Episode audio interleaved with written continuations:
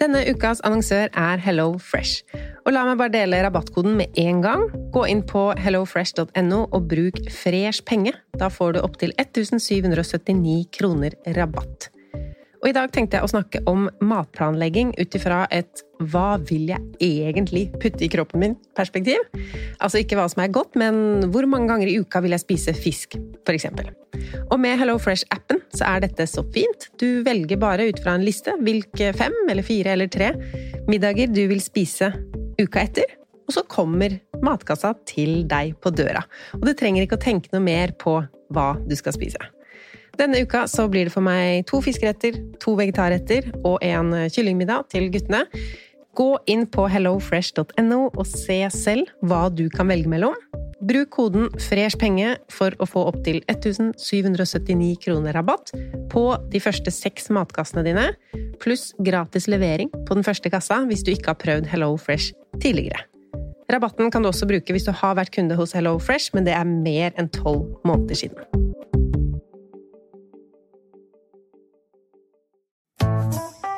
Har du et enkeltpersonforetak eller en liten bedrift? Ikke det? Nei. Nei, men da holder vi det enkelt og gir oss her. Fordi vi liker enkelt. Fiken superenkelt regnskap. Velkommen til Kjemperådet! Vi har fått inn et kjempeproblem her. Jeg leser. Jeg er på ferie med familien. Det er gøy, bortsett fra at jeg har gips på begge beina. Kan ikke bade eller dra noe sted. Jeg føler meg veldig begrenset. Hilsen begrenset far. Begrenset far trenger ubegrensethet. Yes. Ja, Kanskje ubegrenset data fra 399 med familierabatt hos Telenor? Ja, det løser jo alt! Bortsett fra det med badingen, da. Se nye mobilabonnement på telenor.no. Yes! Det har gått fire måneder av året, og jeg har jo satt meg noen mål for hele året, som jeg tenkte å ta en kikk på i dag. Hvordan har det gått med de målene, og hvordan går det med de 30 tingene jeg laget en liste på? Um, 30 ting jeg skulle gjøre for å klare å nå sparemålet mitt, som var en halv million kroner i 2023. Jeg skal i tillegg se litt på budsjettet. Klarer vi å holde det, og hvordan ligger det an? Jeg har lagt inn alle tallene mine i regnskap, så det skal jeg få gått igjennom. Og så tenkte jeg først å si hvordan det går med de andre målene mine. For i tillegg til å spare 500 000 kroner, så ville jeg eh, trene 50 ganger og lese 50 bøker. Så for å ta treninga først, det går fort. Jeg har trent eh, åtte ganger så langt i år, så ligger jo langt bak. Fire av de er løping, fire av de er yoga. Jeg gjør mye sånn fem-ti minutters yoga som jeg ikke teller. Men bikker det et kvarter, så teller det som en økt. Så ja, eh, åtte trening. Jeg begynner å få litt motivasjon på å trene. Jeg tror det har noe med været å gjøre, at man får lyst til å gå ut og løpe og Ja, jeg har lyst til det, men så er jeg med i et uh, forskningsprosjekt som De forsker på sittestilling og effekt av å bevege seg i løpet av arbeidsdagen. Og der var et av kriteriene for å kunne være forsøkskanin i det prosjektet at man må Eh, være relativt lat, da. Og siden jeg starta det prosjektet som latsabb, så må jeg være latsabb også når jeg gjør de siste, siste testdagene. Men det er snart, så da kan jeg gire opp eh, treninga. Så bøker. Hvorfor ha lesing av bøker som mål? Det har jeg gjort fordi jeg liker å lese bøker, og jeg trenger å koble ut, slappe av, gjøre ting jeg liker. Eh, det som har eh, fort skjedd, for min del, er at jeg har fått dårlig samvittighet når jeg har lest, fordi jeg har tenkt jeg burde jo heller jobba, jeg burde jo heller gjort noe i huset, jeg burde jo heller Altså mye jeg burde, burde. Uh, for jeg har den personlighetstypen som setter produktivitet veldig høyt. Så derfor satte jeg lesing av bøker som et mål, sånn at jeg kan ha god samvittighet når jeg eh, stikker nesa i en bok. Så lesemålet går det bra på. Jeg starta leseåret mitt 1. desember, faktisk. Tenkte 12 måneder, 50 bøker. Så jeg har fem lesemåneder bak meg og har fullført eh, 22 bøker. Så den lesinga skal gå ganske lett, verre med treninga, men der tenker jeg også uh, Anyways, pengemålene er jo grunnen til at vi er her, og målet mitt var altså 500 000 kroner i år. Jeg satte opp det fordi Egentlig satte jeg meg et mål i 2015 om å være økonomisk uavhengig det året jeg fyller 40. Da måtte jeg ha 3 750 000 kroner investert. for det var nok til um, å være økonomisk uavhengig, altså oppnå FIRE, da kunne jeg slutte å jobbe og leve av avkastningen på de investeringene om jeg ville. Men nå har jeg jo et mye høyere forbruk enn da jeg satte opp det regnestykket. Det var jo før jeg fikk barn, før jeg flytta i hus. Og så er det litt det med den friheten som jeg ville oppnå med det målet. Nå har jeg jo en veldig stor frihet i arbeidet mitt.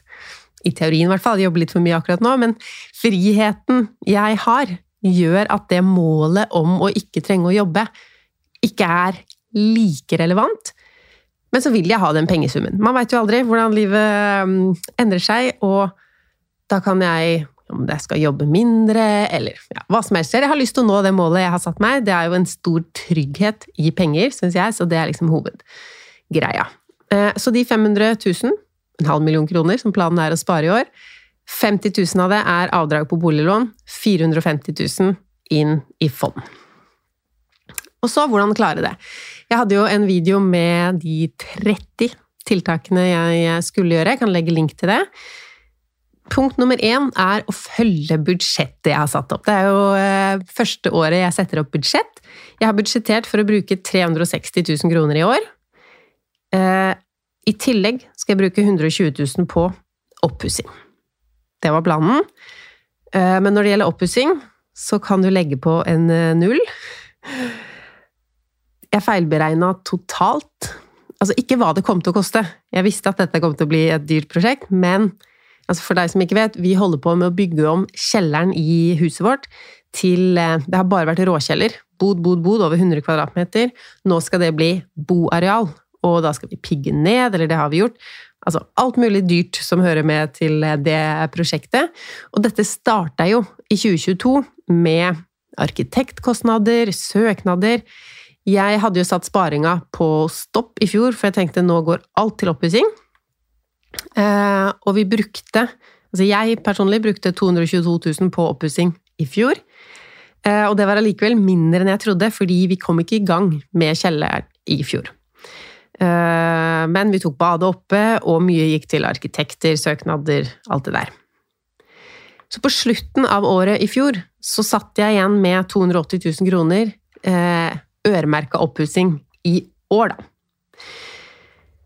Og siden den prosessen i fjor gikk treigt, at ja, det tar jo tid å tegne den perfekte planløsninga, det tok tid med søknader, vi visste ikke om vi måtte flere runder, ikke sant? ting ble godkjent eller ikke, så tenkte jeg på en måte at um, 2023 kommer også til å bli et år der drømmeprosjektet ikke skjer.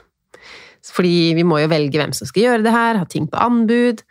Eh, så jeg tenkte 10 000 i måneden til oppussing oppe i huset vårt, altså ikke det nye området. Eh, så derfor satte jeg av 120 000 ved siden av budsjettet til oppussing.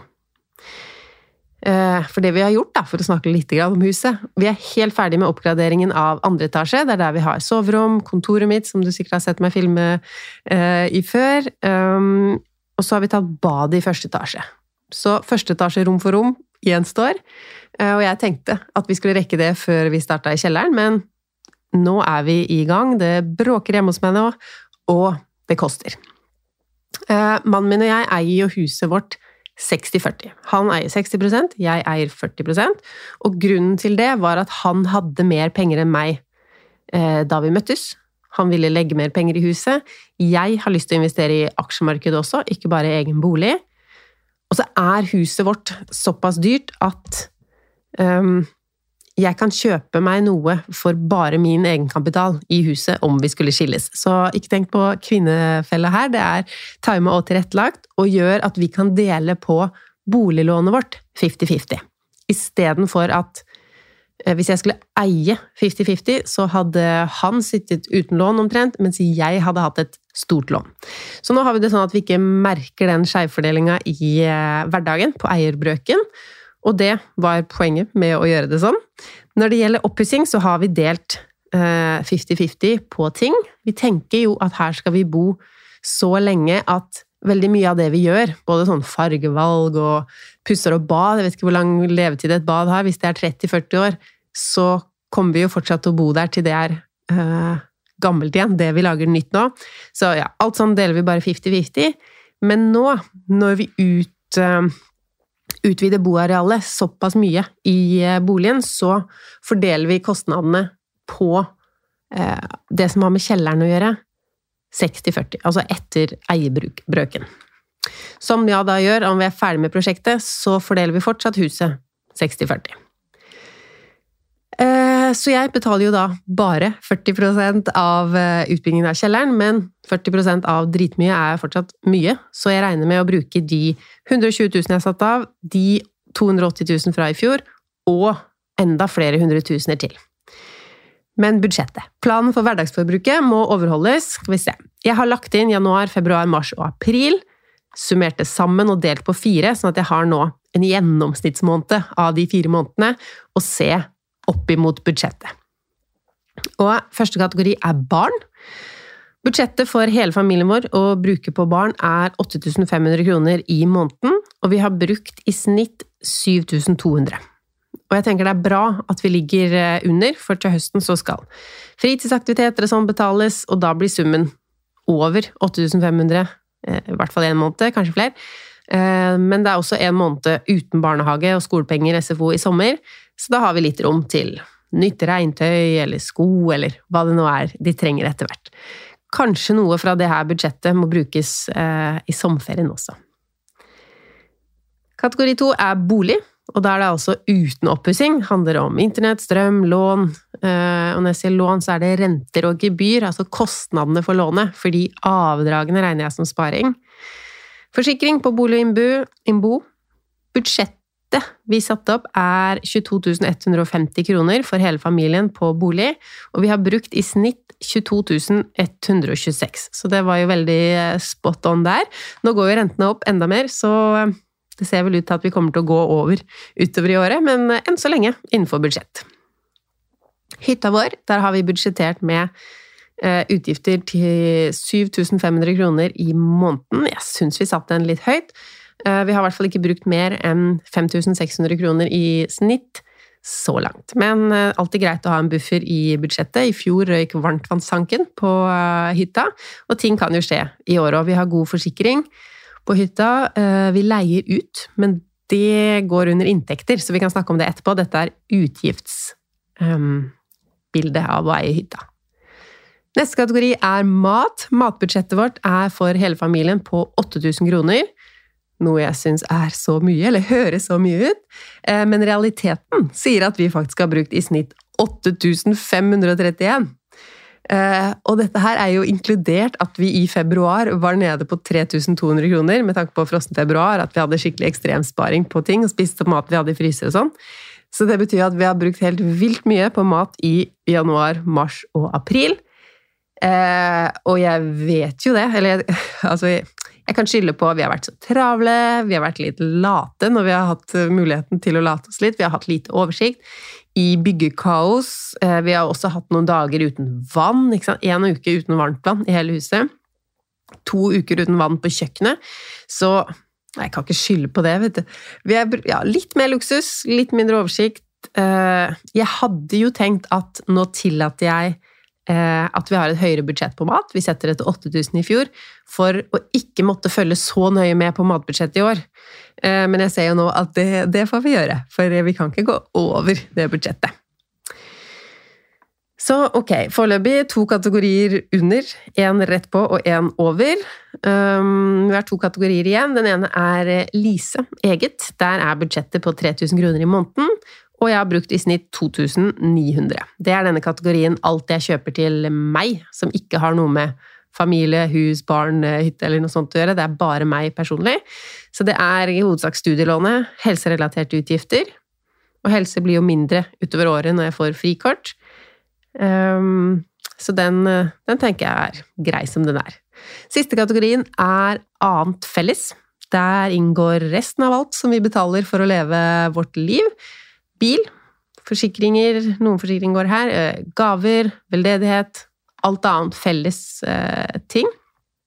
Jeg husker ikke hvordan vi regnet oss fram til budsjettet her, fordi budsjettet vårt er på 7760 kroner, eh, som var litt rar sum, men fasiten sier at vi bruker 7800, så det var jo et veldig bra anslag på kostnadene der.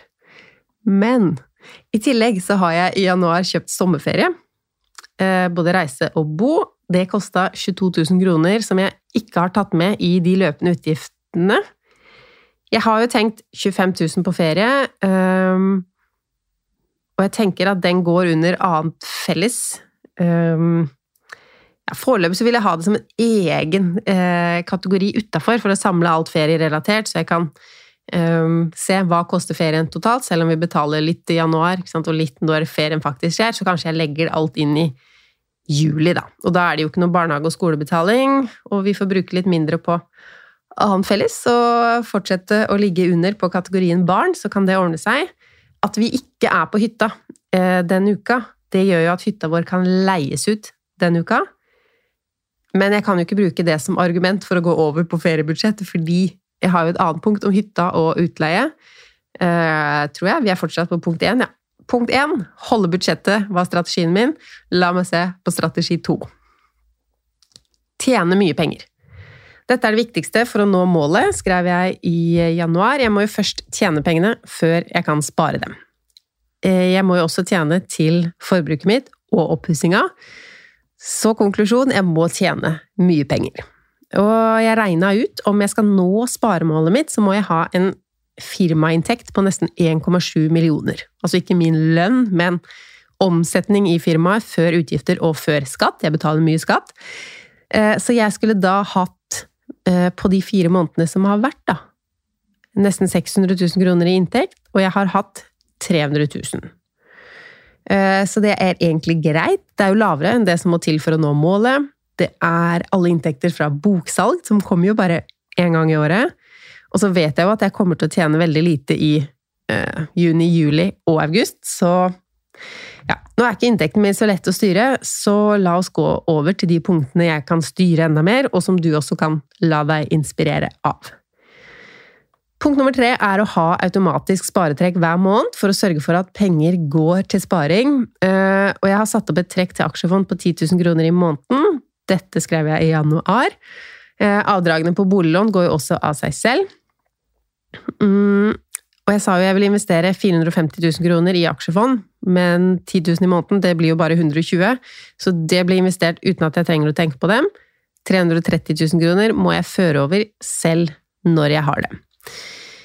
Eh, og sånn det ser ut nå, så kommer ikke det til å skje. Jeg kommer ikke til å føre noe over selv. Tvert imot så har jeg også gått ned på den automatiske sparinga, tatt aksjesparing ned til 5000 i måneden, sånn at jeg totalt for året lander på 80 000 istedenfor 450 000, fordi pengene går til oppussing, og det er vanskelig nok å få nok til oppussing.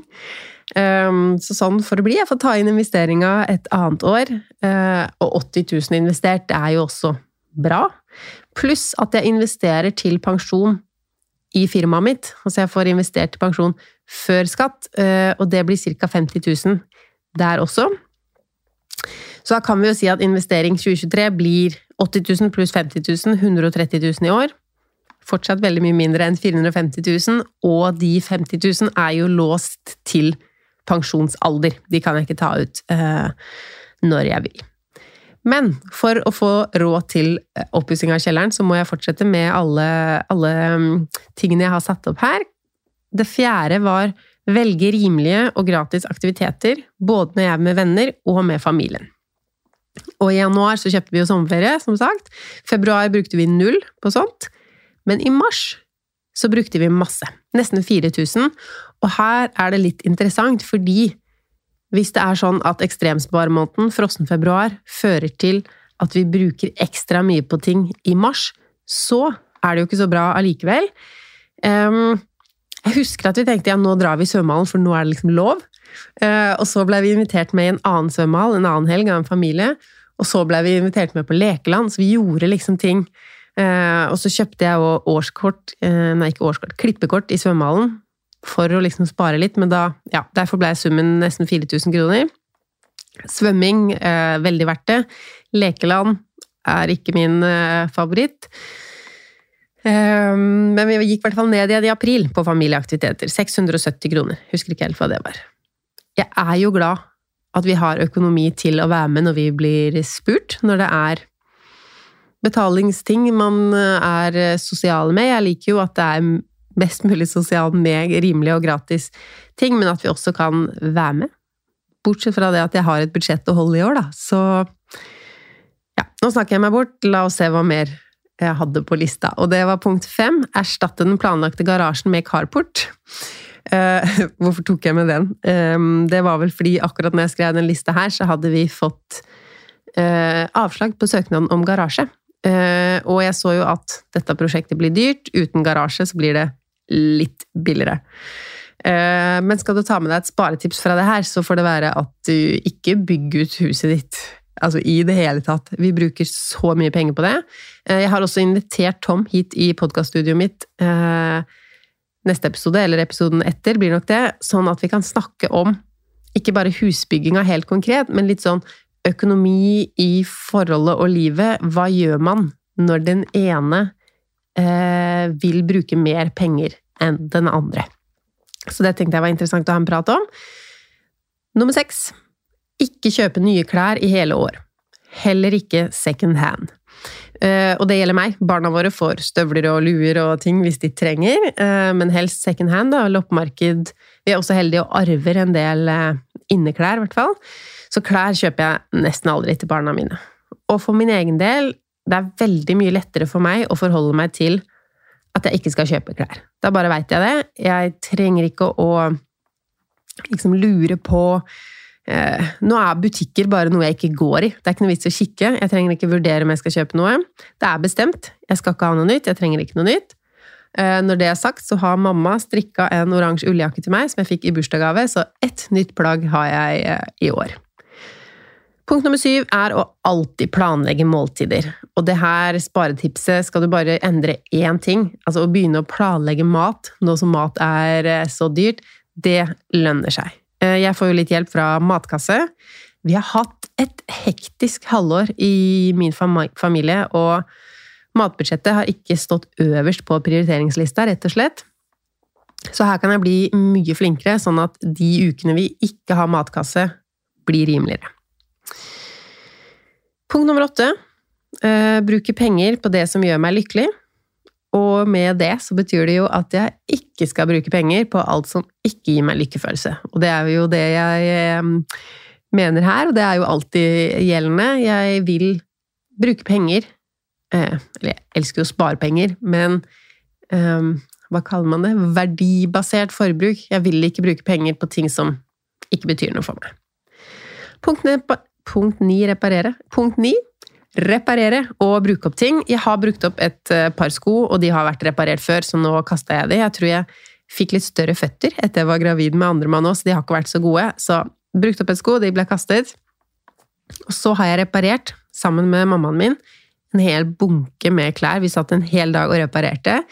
Eh, I hovedsak hull på knærne på barnebukser.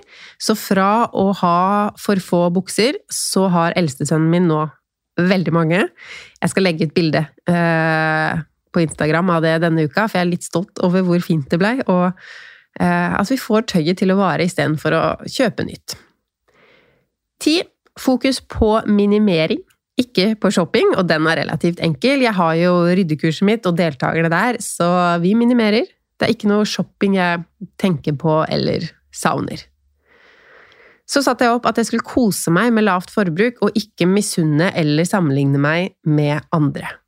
Og det er jo litt viktig å tenke på når man Altså, jeg ser hva andre gjør, jeg ser hva andre har, og jeg får lyst til å gjøre det samme eller noe lignende. Så må jeg bare tenke hva, hva Altså, jeg vil bygge ut kjelleren. Jeg vil investere i fond. Jeg vil heller ikke utsette studielånet. Jeg Vil fortsette å betale ned det. Eh, jeg vil ikke ta avdragsfrihet på boliglånet og jeg vil ikke låne opp mer. Så da må jeg jobbe mye, og da må jeg spare inn på ting for å få til det jeg har valgt å prioritere. Det er min prioritering for året. Heldigvis elsker jeg jobben min, så det å jobbe mye og få reise mer igjen Jeg har holdt en del foredrag rundt om i landet. Møte dere som hører og følger med meg. Det elsker jeg. Eh, men så tar jeg meg selv noen ganger og ser hva er det andre gjør av herlige ting. Eh, men så er det en tid for alt, og som sagt, jeg vil bygge ut kjelleren, og den skal bli herlig også. Punkt tolv følg med på boliglånsrenta, og eventuelt bytte bank. bli med meg og gjør det nå, hvis du har lån. Eh, sjekk først ditt eget lån. Inn i innboksen din og se hva var det jeg fikk beskjed om ved forrige renteøkning. Eh, mitt skal settes opp 12. mai til effektiv rente 4,182. Og hvorfor er vi opptatt av effektiv rente? Det er fordi det er den du betaler.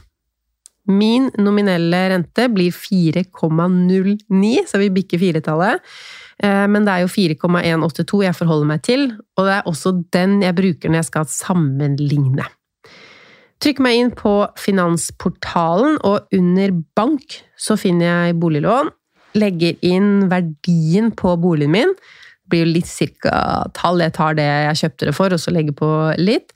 Hvor gammel jeg er, hvor stort lånet vårt er, og så tar jeg 25 års løpetid. Og da ser jeg med en gang her at det er et par banker som har lavere rente. Denne oversikten er kanskje ikke oppdatert med renter som går opp neste uke, så her kan jeg klikke meg inn på de bankene i lista og se om de faktisk tilbyr den renta det står her. Mm, det er noen nettbanker her som kun gjør automatisk beregning om jeg kan få lån eller ikke, og siden jeg driver eget firma, så takker de automatisk nei til meg. Og så er det det at jeg var definert som ung når jeg tok opp eh, mitt boliglån, og da beholder jeg den ung-renta hele lånet ut. Så derfor skal det mer enn 0,1% forskjell til nå for at jeg skal bytte bank. Fordi eh, jeg kan, hvis jeg bytter tilbake, så kan jeg ikke få den ungrenta igjen. Og det er jo over tid som er viktig, og nå svinger det mye. Eller svinger, det går mye opp og opp og opp. Eh, det eneste som ser bra ut her for meg, det er lån fra en investeringsbank. Men da må jeg ha over fem millioner investert for å kvalifisere, og det har jeg ikke. Eh, så jeg beholder lånene der jeg har det. Det jeg kan se på, er jo eventuelt om Tom er hovedlåntaker og jeg er medlåntaker. At vi switcher på det, så kanskje vi kan få et lån fordi han har fast jobb, selv om jeg har eget firma. Ja, ok. Hvis jeg trykker meg inn her, så ser jeg at rentene er over 4% der også om en uke eller to. Ja. Så da har jeg sjekket, og det bør du også gjøre. Det er mye å spare om man kan bytte bank eller få lavere rente i sin egen bank. Det siste er jo enda mer komfortabelt, da slipper du å bytte bankkort eh, og kontonummer til og med. Og jo større lån, altså jo mer du har i lån, jo mer har de tallene bak komma å si. Men hvorfor ikke prøve også med et lavere lån, om du har det? Og det var en, eh, en fin intro til eh, neste ting på lista mi, som er å se verdien av småpenger. Det hadde vi en podkastepisode om for et par uker siden. Det kan være vanskelig, jeg merker jo det nå når vi får så store fakturaer med byggeprosessen vår er det vanskelig å tenke at de små tingene har noe å si. Så heldigvis vet jeg det allerede, jeg har erfart det. Jeg vet det så godt at de små tingene har noe å si.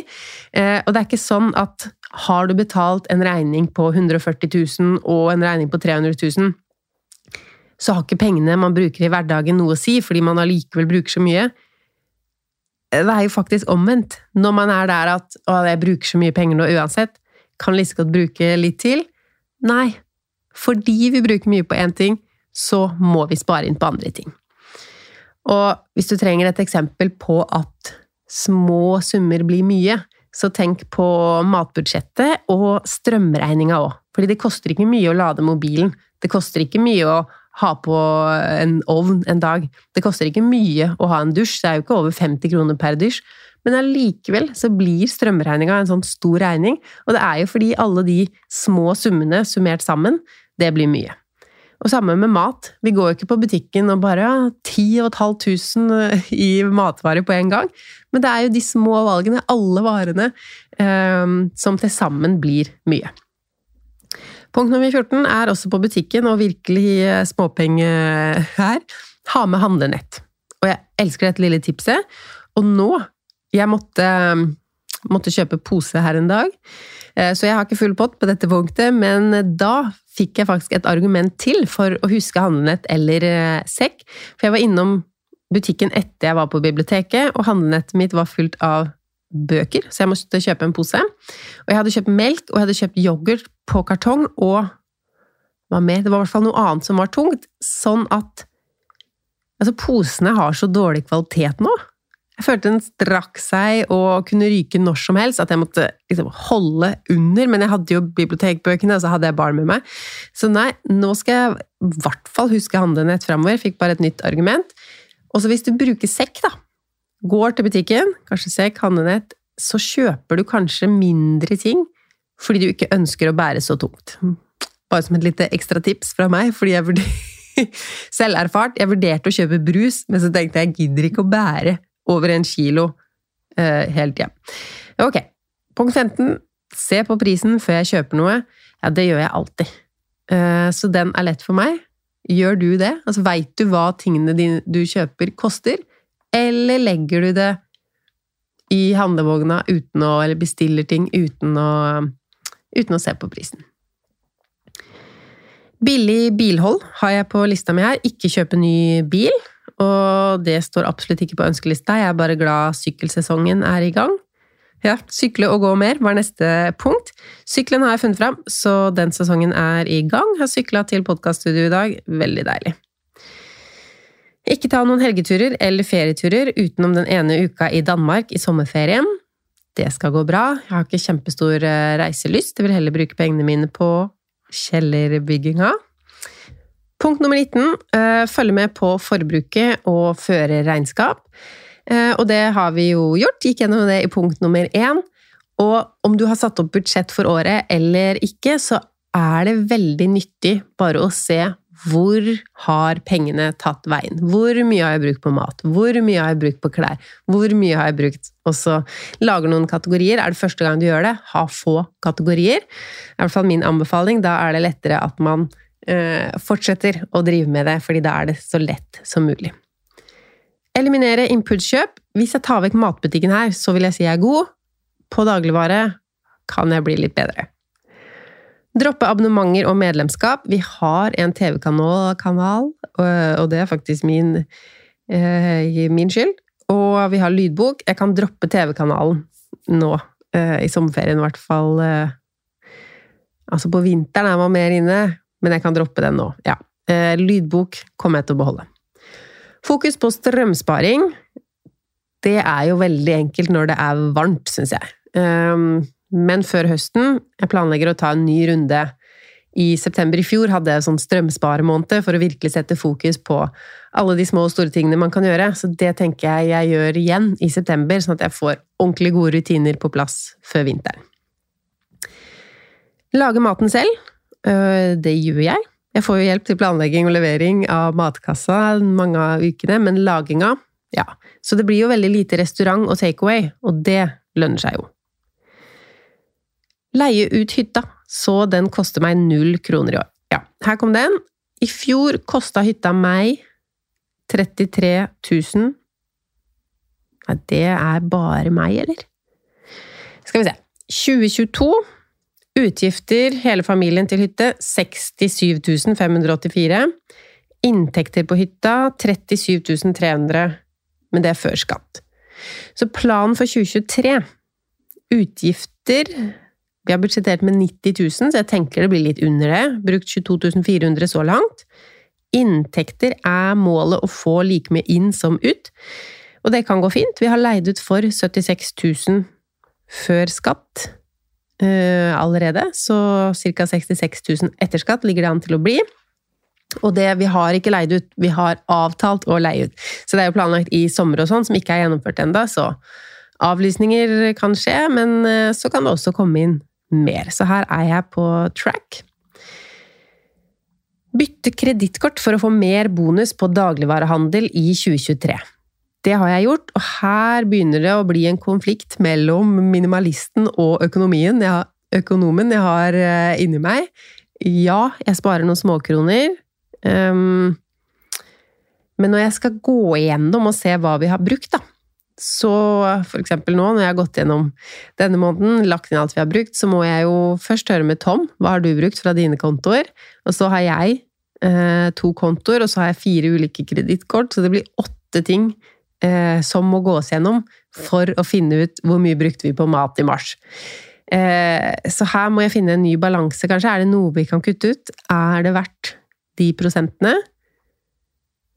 som jo var en bra overgang til neste tema. Der skriver jeg at jeg skal investere pengene fra Trumfbonus og Coop-medlemskapet. Jeg har glemt å ta ut på noen år, så her står det nesten 10 000 kroner når jeg tar det ut. Så da fikk jeg jo litt svaret mitt på forrige spørsmål, at det er faktisk verdt det. Det er gratis penger, og det eneste jeg må gjøre, er å bruke kortene jeg uansett Altså, når jeg uansett skal kjøpe noe, så bruker jeg de kortene. Eh, jeg betaler regningene før de forfaller, og så må jeg se gjennom flere kontoskrifter når jeg fører regnskap. Så det får være ok. Så planla jeg å se om jeg hadde noen små bankkontoer eh, rundt omkring. Der var det bare én som hørte til en sånn eh, spareapp som eh, Jo, og så fant jeg en fondskonto som jeg hadde glemt. Og med den summen der, det var 20 000, så passerer jeg faktisk to millioner kroner investert. La oss snakke om det en annen gang eh, snart. Nå har jeg investert over to millioner kroner. Um, punkt 28. Ha frossen februar for å dempe livsstilsinflasjonen min. Jeg vet ikke om frossenfebruar dempa livsstilsinflasjonen min, som vi var innom. Vi brukte jo mer etterpå på familieaktiviteter, eh, men så brukte jeg mindre i februar på nesten alle punkter, så det er en fin øvelse å ha ekstremsparemåned. Jeg liker den. Flytte min personlige buffer til en konto med høyere rente. Det har jeg gjort. Jeg får 3,5% rente der, og de blir utbetalt hver måned, så det er liksom motiverende å se. Eh, rundt 500 kroner i måneden fra bufferen min. Og så skulle jeg låse penger fra firmakontoen i seks måneder for å få en høyere rente på dem. Det har jeg også gjort de skal eh, tas ut når med en gang seks måneder er gått, og eh, brukes opp i kjelleren. Så jeg får bygge opp en ny firmabuffer. Så planla jeg å redusere forskuddsskatt, fordi jeg ikke vet om jeg kommer til å tjene nok til å skatte så mye som forhåndsberegningen tilsier. Da vil jeg heller betale skatt på etterskudd og opptjene rente på dem i mellomtiden. Og det har jeg også gjort, fordi den første skatteregningen jeg fikk i år, den var på mer enn jeg hadde tjent hele året. Fordi dette var jo basert på jeg vet ikke, fjoråret eller året før. Eh, så siden inntektsåret mitt starta litt slow, så var det bra jeg hadde buffer, så jeg hadde råd til å betale den skatteregninga, men da satt jeg ned, sånn at de neste skattetrekkene ikke blir så høye. Da er det bedre å sette de opp etter hvert.